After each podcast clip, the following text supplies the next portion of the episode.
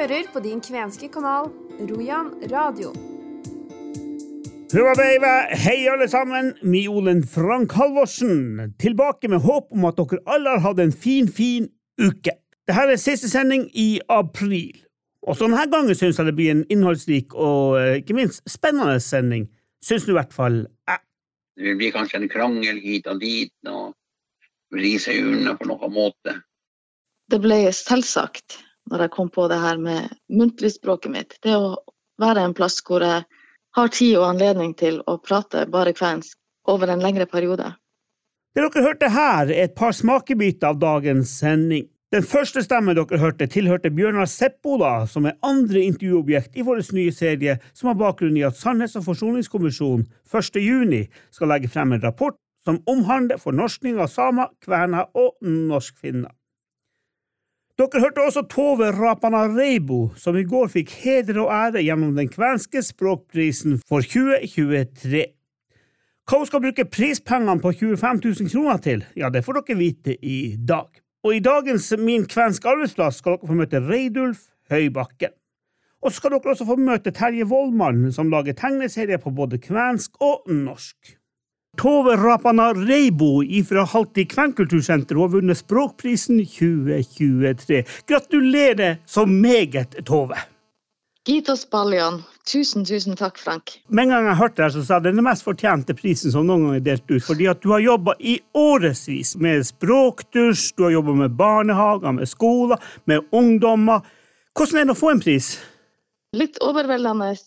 Jeg er selvfølgelig veldig glad for det, og jeg setter veldig pris på at eh, det arbeidet som gjøres ute i eh, kommunene, blir eh, sett, og at det blir løfta på denne måten. En veldig viktig ting. Du skal komme med et kjempedumt spørsmål. Syns du at du fortjente prisen? jeg var veldig spent på å lese begrunnelsen, for jeg, jeg klarte ikke helt å skjønne hvorfor det var jeg som skulle få den. Jeg føler jo at det jeg gjør til daglig, er det jeg liker å gjøre. Jeg har det kjempegøy på jobb. Jeg møter masse unger og ungdommer og voksne som, som syns det er artig å lære språk. Og det gjør meg bedre og bedre hver dag. Så det er kanskje det som gjør at jeg fortjener prisen, som du sier. Jeg har det gøy å lære fra meg på måter som jeg sjøl ville synes er artig. Og det gir resultater. Er det det som gjør det fint å være Tove? Det at du får gjøre det du liker, det du brenner for? Absolutt. Jeg ville aldri ha blitt i en sånn her jobb hvis ikke jeg brant for det, og hvis ikke jeg virkelig koste meg på jobben. For det er lange og slitsomme dager, og mye å gjøre hele tida, og aldri nok ressurser til å gjøre det vi ønsker å gjøre. Det kunne vært en uh, kamp. Det kunne vært en uh, lidelse å gå gjennom dagene. Men jeg gjør det jeg syns er gøy. Da er alt greit. Var det det her du tenkte for noen år siden, da du begynte med språkdusj og, og de her tingene her, at uh, en dag så skal du fortsatt jobbe nesten alene? Dere er ikke mange som jobber innenfor kvensk språk i dag? Nei, jeg, jeg hadde vel ikke sett for meg det. Men jeg ser jo også at det skjer ting. Det kommer jo nye språksenter nesten årlig i uh, området. Det er i stadig utvikling det er veldig mange som eh, ønsker å lære språket, og jeg håper at alle får muligheter til det. Hva er det du holder på med spesielt akkurat nå? For jeg mener å ha lest at bl.a. annet altså eh, at du ja. har prosjekter ved siden av det. Ja, Kvenjern har et treårig prosjekt der vi reiser rundt i hele landet for å bli inspirert av andre og for å inspirere andre til å holde på med kvensk musikk. Det er et eksempel på en av de her tingene som gir vanvittig mye. Det er så gøy å møte andre Eh, og vi gleder oss veldig til å dra til eh, Oslo og Drammen eh, om bare noen få uker. Og det er også et eksempel på at det er for lite ressurser. Vi har ikke fått midler nok til å gjennomføre prosjektet, men vi gjør det likevel. Og tar av egne penger som vi omtrent ikke har. Det var også en måte å si det på. ja, men det er sånn det er. Altså, vi, vi, ser jo at vi er nødt til å, å, finne ut hvordan skal vi få driftsmidler til å drive et kor av den uh, klassen. Altså, vi er det eneste kvenske koret som finnes, og vi er viktige. Vi har ikke helt skjønt hvor viktig før, før vi begynte på det prosjektet vårt. Hver gang vi, vi drar en plass, så spør de når kommer dere tilbake. Og det her var jo tenkt som et sånn engangsprosjekt, men vi ser jo at det er et behov der ute også for kvensk musikk. Og at det trengs mer midler for å kunne gjennomføre sånne prosjekter. Du har fått prisen. Hva er det neste? For nå har du ikke så mye mer å strekke deg etter, kanskje? og jo da, jeg har det. Og en av de tingene jeg har strekt meg etter lenge, men som jeg aldri helt har fått prioritert å jobbe med, det er jo mitt eget språk. Jeg er rimelig god skriftlig, og i hvert fall når jeg får lekt meg litt med de ordbøker som finnes, så klarer jeg å, å uttrykke meg greit skriftlig. Men jeg sliter med å bli flink til å prate kvensk.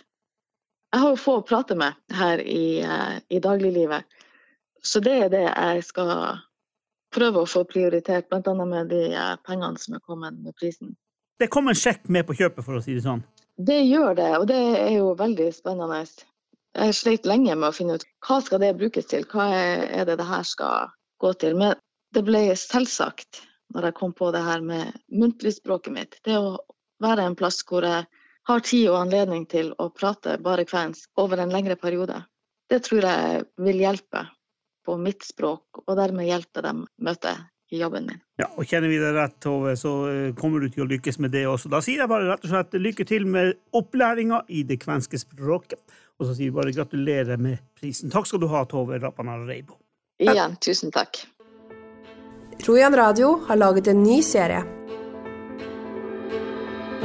Denne gangen om forventningene til Sannhets- og forsoningskommisjonens rapport som legges fram 1.6.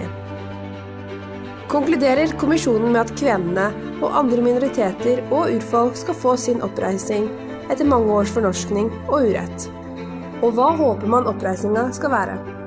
Vi har intervjua en rekke personer og spurt konkrete spørsmål om hva de tenker og drømmer om for framtida.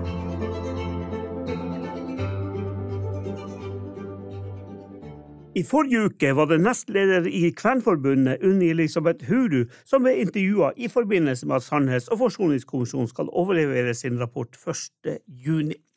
I dag skal dere få møte leder i Kvensk-finsk riksforbund, Bjørnar Seppola. Jeg har ikke store forventninger til denne kommisjonen. Og det er fordi at um, for det første er det at sammensetningen ble gjort uh, da den er veldig dominert av samiske interesser. Og vi fikk ikke plass til men de kvenskspråklige kom ikke med der. Det er den ene sida. Og den andre sida er også den vinklinga som man har hatt. Og vi blir bedt om å fortelle en både historie, men det er en lidelseshistorie man vil høre. Man er ikke så opptatt av det som kvener og kvenfinner har vært opptatt av, nemlig næring og framtid. Vi har ikke vært så, så opptatt av å gå inn i en stakkarsrolle en følelse av at vi er så stakkarslige. Og så skal det være så synd på oss. Dårlige forventninger. Så jeg regner med at eh, den vil forsterke den rådende politikken, hvor man skal bakke opp om det samiske samfunnet. Hva tenker du om et kventing?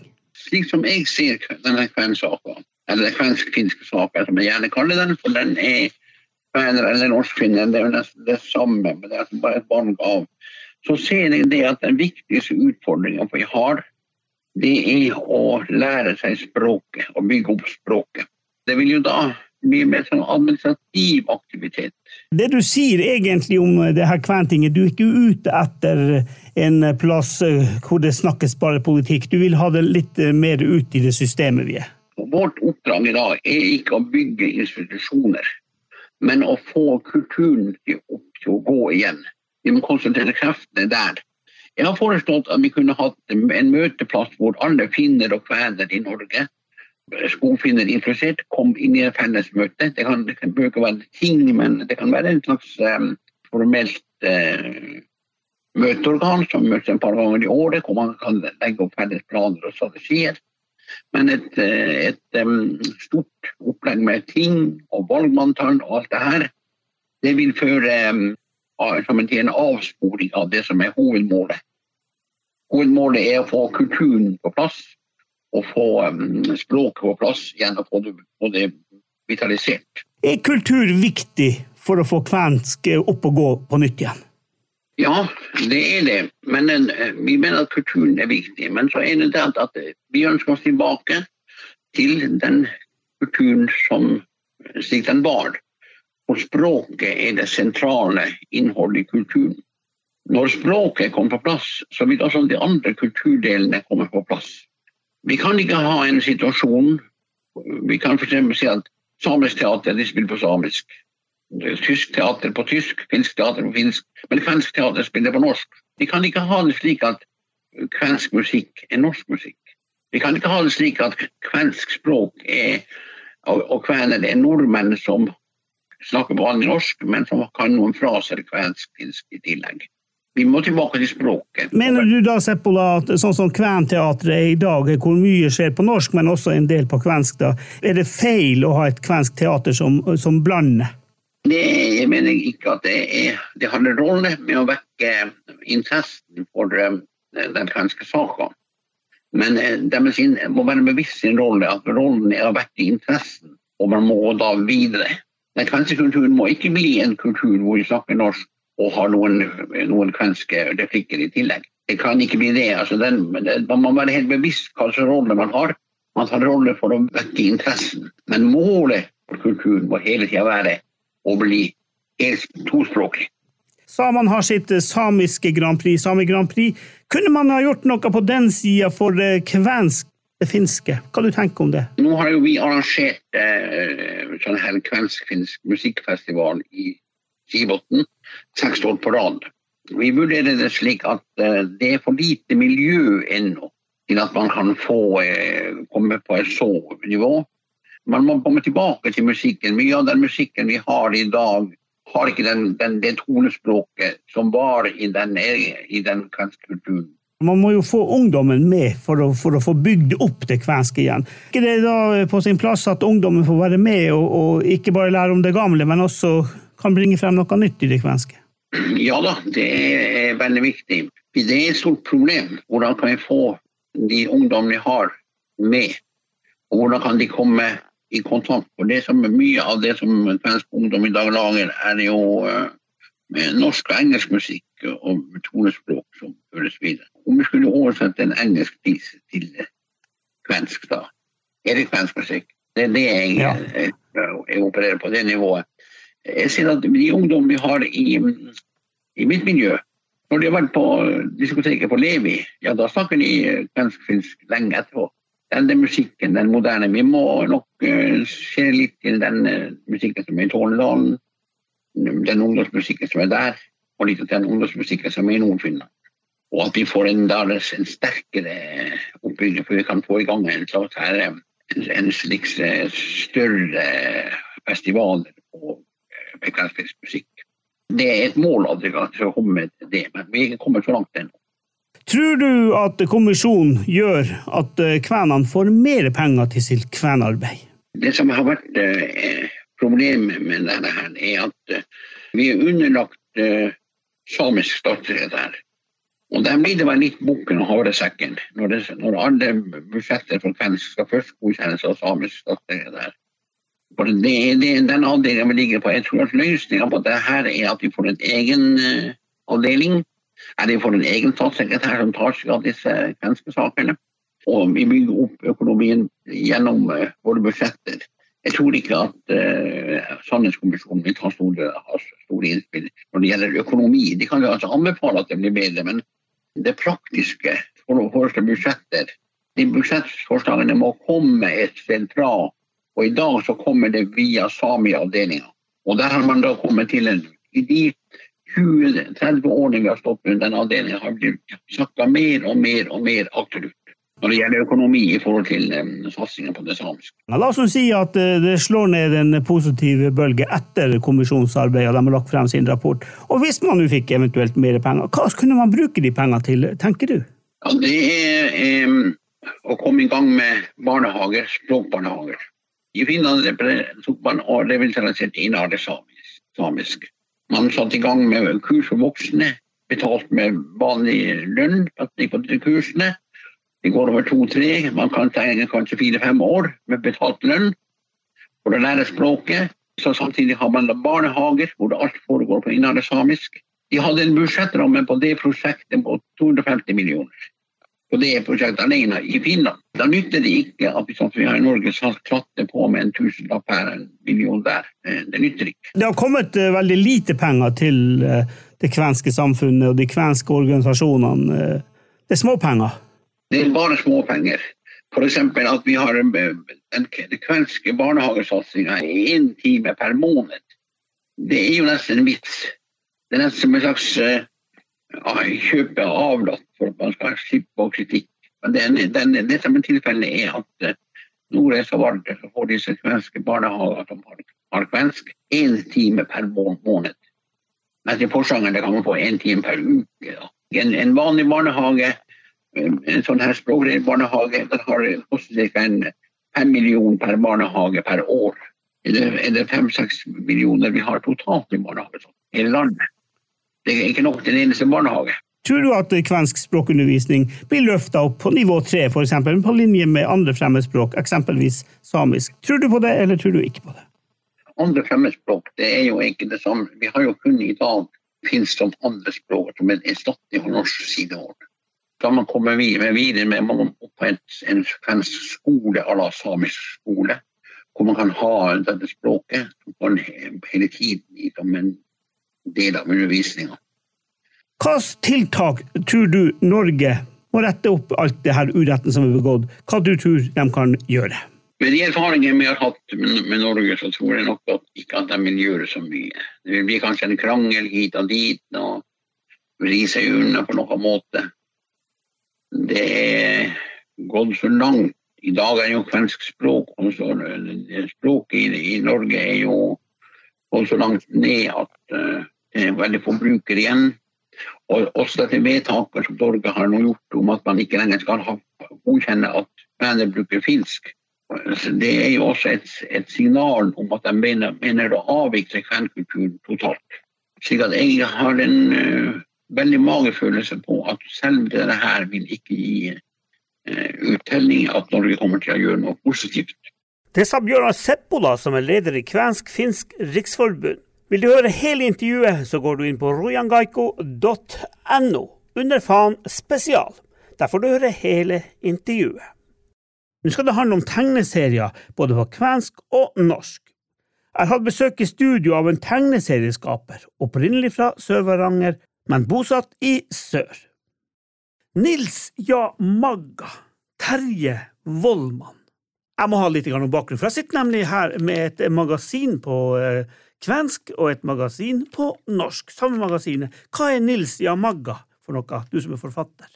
Nils og Magga er jo egentlig mitt prosjekt om å fortelle historien om eh, Finnmark, og ikke minst å fortelle historien om hvordan det er å vokse opp i Finnmark. Det her er jo eh, blitt spurt om mange ganger før, og jeg, hver gang jeg svarer på det, så, så, går det mer og mer opp for meg. Det der med at det her var jo noe som jeg savna når jeg vokste opp man hadde veldig lite rollemodeller i, i populærkulturen, da, tenker jeg. At det var veldig lite, lite om snøscooterkjøring og isfiske og, og, de tingene her. Som, som, jeg tenker at det var noe som var underkommunisert, og det var noe som man ikke finner i, i populærkulturen. Så da var det helt naturlig for meg når jeg skulle lage tegneserier, at jeg ville fortelle om det her med, med, å vokse opp i Finnmark. Det var utgangspunkt for, for, å fortelle om Nils og Maga. Jeg hadde lyst til å lage et univers der man hadde noen barn som vokser opp. Og de barna de skal vokse opp litt utenfor allfarvei, som, som, jeg tenker er veldig veldig gjenkjennelig. Det er forresten noe når jeg møter folk som har lest tegneserien, så er det veldig mange som påpeker det. Det var akkurat sånn som vi hadde det. Det der med å vokse opp utenfor og litt langt unna, og at man på en måte var litt sånn prisgitt, at man, man, måtte bare finne på ting sjøl. Jeg har lyst til å lage et univers der man vokser litt opp utenfor allfarvei, men også lage et univers der man, der man står med beina godt planta i flere bed, holdt jeg på å si.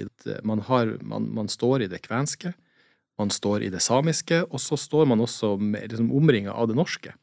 Og det var jo litt sånn som jeg vokste opp, rett og slett. Jeg er jo fra Kirkenes, eller fra Sør-Varanger alle nå gjør jeg sånne gåsetegn her, alle hadde en finsktalende eller kvensktalende bestemor, eller alle hadde en samisktalende bestefar. Og det var så vanlig at det var ikke noe vi snakka om. Det var så innbakt. Så jeg tenkte at det hadde vært artig å prøve å kommunisere både å fortelle den historien om at sånn er det, er rett og slett et slags multikulturelt perspektiv, men også det der at hva slags ressurser er det i det? Hva er liksom potensialet i det, da, i denne multikulturelle eh, delen av det med å vokse opp i Finnmark, eller vokse opp på Nordkalotten, om du vil. Jeg fant det ingen plass. Eller jeg fant det veldig lite. Eh, det jeg fant, var jo naturligvis også NRK Sápmi har jo lagd TV-serier og litt sånn her, og det fins filmer. Den der trestammers møte-perspektivet med det kvenske og det samiske og det norske, det var nesten helt fullstendig fraværende. Og det tenkte jeg at nå er det på tide at, at noen gjør det. Og det, det var, er, var, absolutt en av de motorene bak den tegneserien. Hva er det som driver deg til det her? Det kunne gjort som 99,9% av resten av befolkninga. Liksom, vi, vi, vet om det, men vi gjør ikke noe med det.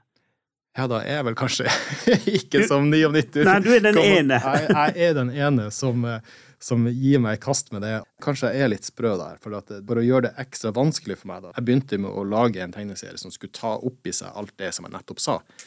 Men i tillegg til det, da, så tenkte jeg at når jeg skal fortelle den historien om det flerkulturelle, så må jo det gjøres på de tre språkene som har vært snakka i Finnmark i uminnelige tider. Og da ble det jo naturligvis enda mer merarbeid, for da måtte jeg få tak i kvenske oversettere, og da måtte jeg få tak i samiske oversettere. Ja, For du kunne ikke det sjøl? Jeg kan eh, litt finsk, eh, og det sier jeg for at det er Jeg kan litt riksfinsk, og så har jeg eh, kommet inn i det kvenske. Jeg vokste jo opp med mange familiemedlemmer som snakka kvensk. De gjorde sånn som mange gjorde på den tida når jeg vokste opp, at det, det var det hemmelige språket. Det var noe, som, noe man snakka i lag når det var ting som ungene ikke skulle forstå. Det var ikke noe opplæring på det, så det var min, min vei inn det kvenske språket har definitivt vært via det finske. Så sitter altså både med en norsk eh, del som heter Nils og Magga, og en eh, kvensk del som heter Nils Jamagga. Hvor mye tid bruker du på det her? For det her er jo tegneserier som er av ypperste kvalitet. Jeg sitter og kjenner både på papiret og ser på tegningene. Du, er det du som tegner? Nei, det er ikke jeg som tegner. Nei. Jeg har en eh, god venn fra Hammerfest som heter Kristoffer Karlsen. Jeg har veldig mange gode historier og gode ideer, alltid hatt, men jeg har aldri hatt det i fingrene til å, til å tegne det ut. Så derfor så, eh, Men Kristoffer har alltid, så lenge jeg har kjent han, så har han alltid hatt med seg en notatbok der han drev på med tegneserier, og han og broren har alltid laget tegneserier. Han lever og ånder tegneserier. Så, da, så når jeg kom opp med den ideen her, så var det naturlig for meg å, å sende utkastet av manuset til han. og det han sendte tilbake, fikk meg til å tenke at det her, det her må vi få til. Det her må vi rett og slett få til. Har du gitt ut mange numre av det? Nå har jeg gitt ut uh, Nils og Maga 1, den du har i handa nå. Og så ja. kommer Nils og, kom Nils og Maga 2 i 2021. Og så kommer det Nils og Maga 3 kommer nå i mai. Hvem er de som har sitt arbeid i det kvenske miljøet? I en serie her på Rojan radio setter vi søkelys på en rekke personer som til daglig jobber på en kvensk arbeidsplass. Spørsmålene er mange, men den røde tråden er hvordan trives de, hvilke utfordringer har de, og hvordan ser de på den kvenske framtida. Det og mange flere spørsmål setter vi søkelys på i denne serien. Nå skal dere få møte en kar som sikkert er mest kjent for tida som fotballspiller og fotballtrener. Men nå skal dere få møte Reidulf Høybakken på en helt annen arena. Jeg er utdanna kokk. Jeg har jobba 18 år som kokk, og så har jeg jobba 12 år på Lakselv barneskole som pedagog. Det har jo tatt pedagogisk utdanning litt. Ja, hvordan at du havna på Kvensk institutt i Børselv? Ja, det dukka opp en stilling med, med kvensk språk og kultur. Jeg kommer jo egentlig fra et kvensk miljø. Og vi snakka jo bare kvensk hjemme. Vi var en av de få store barnefamilier hvor alle unger snakka kvensk. Og mine foreldre de bestemte seg ikke å lære oss kvensk. Det var nok heller mange andre som ikke torde lære ungene sine kvensk. Dere fikk den viktige barnelærdommen på kvensk hjemmefra. Ja. Er det det som har forma deg som menneske, at du har hele tida visst at du har kven, eller? Det har ligget i bakgrunnen veldig mye. Det var i språket vårt hjemme. Det har gjort at man ikke har mista røttene i hele tatt. At man fortsatt forstår og kan snakke og etter hvert så tok jeg litt kvensk utdanning, så har jeg lært å både lese og skrive. Det var ikke det vi gjorde før. Vi bare snakka kvensk før. Hvordan har det vært eh, oppveksten din da i forhold til det kvenske? da? Jeg tenker på Da dere gikk på barneskolen her i Børselv, var det sånn at man liksom, fikk ikke lov å prate kvensk på skolen. Hvordan hadde dere det? Det var ikke kvensk i hele tatt. da. Det var ikke mulig å, å bruke det språket heller. Det fantes ikke kvensk da på skolen. Heller ikke i Lakselv? Jeg har jo gått barne- og ungdomsskolen her i, Laks, i Børsel. Var det befriende for deg plutselig å kunne jobbe med det kvenske på heltid, eller? Det er jo interessant at det dukker opp sånne stillinger. Det er det første. Og så er det at uh, man ser at det kvenske språket har lett for å bli mer og mer borte. Når ingen tar tak i det i det hele tatt. Min hovedoppgave er å jobbe med kvenskspråklige med Karin, og så jobber jeg mye med å oversette ord. Enkeltord på idrett og helse. Og nå skal jeg også begynne med å lage oversette, eller vi holder på å oversette oppskrifter. Matoppskrift til kvensk. Begynte så smått med det også. Hvor du hentet de ordene fra? Var det noe du lærte hjemme hos mor og far, eller er det noe du må lære deg på nytt igjen? Nei da, jeg ser jo på de, sånn som de, de kakesortene oversatt til kvensk, så var det jo det vi hadde hjemme. Det er mye av de ordene man må Når man henter fra menyer, lager menyer, så må man eh, jobbe seg inn for å finne ut hva, hva man. Det er ikke noe jeg oversetter. Vi må jo, vi må jo gå gjennom om det passer, med flere stykker som kontrollerer det. Ja, så det er ikke bare å sette et ord ned på arket og så heller på, på PC-en og så si at det, er det, det, det, det her det heter. Nei, det er ikke det. Det kan ta ti år å finne bare ett eller to ord. Ja, er det en vanskelig jobb du har? Det er ikke vanskelig, det er det ikke. Men uh, man må bruke tid på det, oversettelse. Er det utfordrende? Er det et bedre ord å bruke enn vanskelig? Utfordring? Nei, ikke utfordring. Man kan heller si at uh, det er sånn, sånn som idretten før. Man tar utfordringene på strak arm. Og så jobber man deretter. Da går det fint. Når du eh, ser litt på de her dagene dine, hvordan er de? Er de meningsfylt, eller? Ja da, det er nok å Man får dagene til å gå. For det, det er mye planlegging. Bare på det her med jobbinga opp mot barnehagene, det, det, må være planlagt. Hvis ikke det er planlagt, så blir det ikke ordentlig. Og med at det kvenske Mange av de ordene må du jo Vi skal legge frem der, må vi vite at, at den finnes der. Kan ikke bare si et ord. Dere har tatt utvikle det kvenske språket. Det er det dere gjør? Ja, vi gjør det. Jeg ser jo blant annet jeg fulgte jo mamma på sykehus i Tromsø i fjor, så var det jo Det er mye fremmedord der. Det er man som leste den, eh, den rapporten om henne. Når jeg da leser jeg mamma, sant, hun snakker bare stort sett kvensk. Hun snakker litt norsk også, men masse av de ordene hun ikke forsto. Så tok jeg tak i det, jeg og en annen på, som bor i Tromsø, som vi jobber med kvensk. Tok vi oversatte masse av de her ordene på kvensk. Dere så rett og slett det mangler som syk på sykehuset sin? Det mangler veldig mye. Altfor mye fokus på det samiske. Og så glemmer man det kvenske. Vi er trespråklige. Mamma forsto ikke hva de sa på sykehuset alltid ordet. Da forsto hun plutselig? Ja da, når jeg forteller hva det betyr. Du begynner jo å bli en voksen mann, Reidulf. Jeg tenker, Er det fortvilende å se hva foreldrene deres utsettes for? De forstår faktisk ikke mye av det vi holder på med, vi norske. Jeg har jo sant, som sagt jobba på skolen. Mye av det her mye av det norske ord som er blitt borte. Så dukker det opp nye ord hele tida. De blir fjerna fra kartet. Så det er klart det blir mye fremmedord for de her, sånn som utviklinga i samfunnet. Så blir det mye fremmedord for de eldre damene som er rundt nesten 90 år. Det blir ikke lett. Dette er en kvensk arbeidsplass. Mm. Er det noe du ser for deg at du skal fortsette med til den dagen du blir pensjonist, eller? Ja, nå er det ikke mange år til jeg blir pensjonist. Jeg kan jo begynne å søke av og gå av om noen år, så får jeg se hvor lenge jeg jobber. Jeg kan fort hende at jeg blir her til jeg blir eh, pensjonist. Har ikke du en meningsfylt hverdag her, syns du sjøl? Jo. Jeg er jo på hjemplassen og hytta her i Børselv. Kjører du til Lakselv hver dag? Ja, nå har jeg gjort det en stund. Men eh, ja, det har jo hendt at jeg må overnatte på hytta. Husker vi er på solsiden i Porsanger. Ok, så du ser hjem? På eiendom? Ja, det, det, er en del av eiendommen. Der vokste man. Der var man oppe i syv-åtte år og slo med ljåen under hers. Halv seks om året. Man er vant til å jobbe. Tror du det er derfor kvenene blir kalt for de dyktigste håndverkerne? Fordi at man jobber hele tida? Det kan være en årsak. De er i hvert fall flinke med det. og De er flinke å jobbe. Det var kanskje derfor de ble kalt for tause folk. Lite klaging. Altså, de bare jobber. Hun gjør det. Hva det betyr for deg å få lov å være i ditt hjemlige miljø og jobbe med de her tingene? Jeg syns det er så artig og spennende. Det er ikke hver dag det dukker opp sånne muligheter. Og så kommer vi til det store spørsmålet. Vi kjenner deg som tidligere fotballspiller i Porsanger. Du har holdt på mye med sportsuttrykk og sånt. Det har jeg intervjuet deg om før. Er det også med på å bidra til at dette er en bra arbeidsplass? Ja, det er viktig for, for kvelden. Det er mye med idrett. Fotball var en stor idrett. Eh, ski var det samme. Eh, og de, de gikk jo litt på skøyter. Så nå har vi også oversatt de her treningsordene fra helsestudio. Masse ord der. Ord og uttrykk. Det er ganske mange ord vi har oversatt. Hvor viktig er den jobben, tenker du? Akkurat det her med oversetting av innenfor din egen sjanger, som er idrett? Jeg tror det er viktig. Yngre generasjoner av kvener kan se. At uh, hva egentlig kvenene har holdt på med. Det, det, har ikke vært oversatt før i det hele tatt. Egentlig lite på mat også. Eller laga menyer, kvenske menyer. Det var jo den av naturen.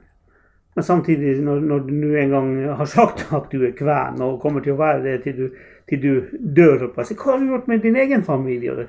Jeg tenker på unger. Ja, et barnebarn som eh, går i språkdelen i, Bertua barnehage. Det er jo ikke den kvenske delen. Så jeg har barnebarn her, så de jobber godt der. Hun snakker jo sånn, syng, kan synge sånne kvenske sanger. Jeg prøver å lære litt. Det er klart at Jeg kunne vært flinkere fulgt opp ungene mine med, med den kvensk. Ja, for der er mange kvener i dag, kvener som vi kjenner, de sier det at de har sjøl missa litt på, på den oppdrag, kvenske oppdragelsen. Jeg tror nok oppfølginga på skolen er, er, ikke god nok i, på kvensk undervisning i Finnmark. Det er vanskelig å få tak i kvalifisert personell. Jeg tror det er altfor lett å kutte. Sette en pennestrøk at timen utgår. Er det noe man kunne jobba med fra instituttet sin, sin side, og jobba kanskje med for kvensk opplæring av lærere? Vi kunne jo motivert Jeg vet det jobbes jo på universitetet, og det og sånne ting, men vi kunne jobba opp mot skolene i prøvd å forklare skoleledelsen at de må ta vare på den kvenske. Når mange lærere er syke, da stryker det bare timen. For det er ingen som kan overta? Jeg ser at det blir mindre og mindre lakselus. Kanskje det er noe man må tenke på. Så hvis ikke språket skal dø helt ut, så må man kanskje lære enda flere lærere. Ja, jeg tror det. Jeg var jo i fjor vinter var jeg vikar på Laksa barneskole. På kvensken. Da jobba jeg i et par dager i uka der. Med kvensk undervisning i noen klasser. For de hadde ikke lærere der. Så du har vært lærer òg? Ja, jeg har jobba tolv år som barneskole. Jeg var inspektør i to år, så jeg jobba som lærer i mellomtiden, i tredje til sjuende klasse. Hadde dere kvensk i det hele tatt? Jo, det var kvensk der, men da hadde ikke jeg det kvenske. Jeg, hadde, jeg jobba i klasse, men jeg tok eh, vikartimer i kvensk. Er du fornøyd med rikets tilstand, din egen jobb med, med alt som er omgivelsene på det kvenske? Er du fornøyd med det? Nei, det er for lite penger. Det må eh, spyttes ut mer penger, så man kan få det på plass, flere ting. Det skal være satsa enda mer. Det er en, eh, rett og slett en formaning til politikere som bestemmer mer penger til det kvenske. Ja, jeg må si at sentralmyndighetene eh, jeg tror ikke de forstår helt. De burde ha vært her på besøk. Så de kanskje får mer innblikk i den kvenske. Dette er en del av et lengre intervju jeg hadde med han Reidulf Høybakken. Et intervju dere kan høre i sin helhet under faen spesial på nettstedet rojangaiko.no. Mitt navn er Frank Halvorsen. Ansvarlig for denne sendinga er Rojan Gaiko-redaktør Arne Hauge. Jeg er tilbake torsdag 4. mai klokken 11.00. Frem til da ønsker dere alle sammen en fin, fin uke. Hyvesti!